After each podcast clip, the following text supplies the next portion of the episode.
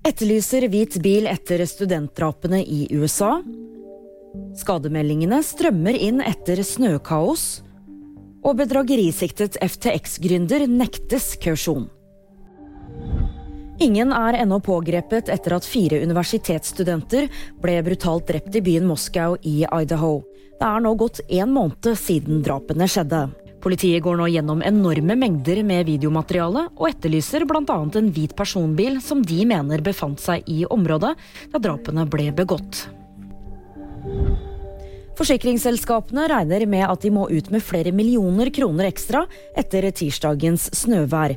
Store mengder snø skapte kaos på veier i hele landet tirsdag. I løpet av dagen mottok Gjensidige 315 skademeldinger.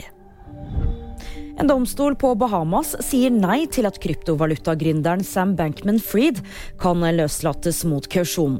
Retten begrunner det med at det er en risiko for at den bedragerisiktede 30-åringen kan flykte. Han er siktet av det amerikanske kredittilsynet SEC for bedrageri mot investorene. Det var VG nyheter, og de fikk du av meg, Julie Tran.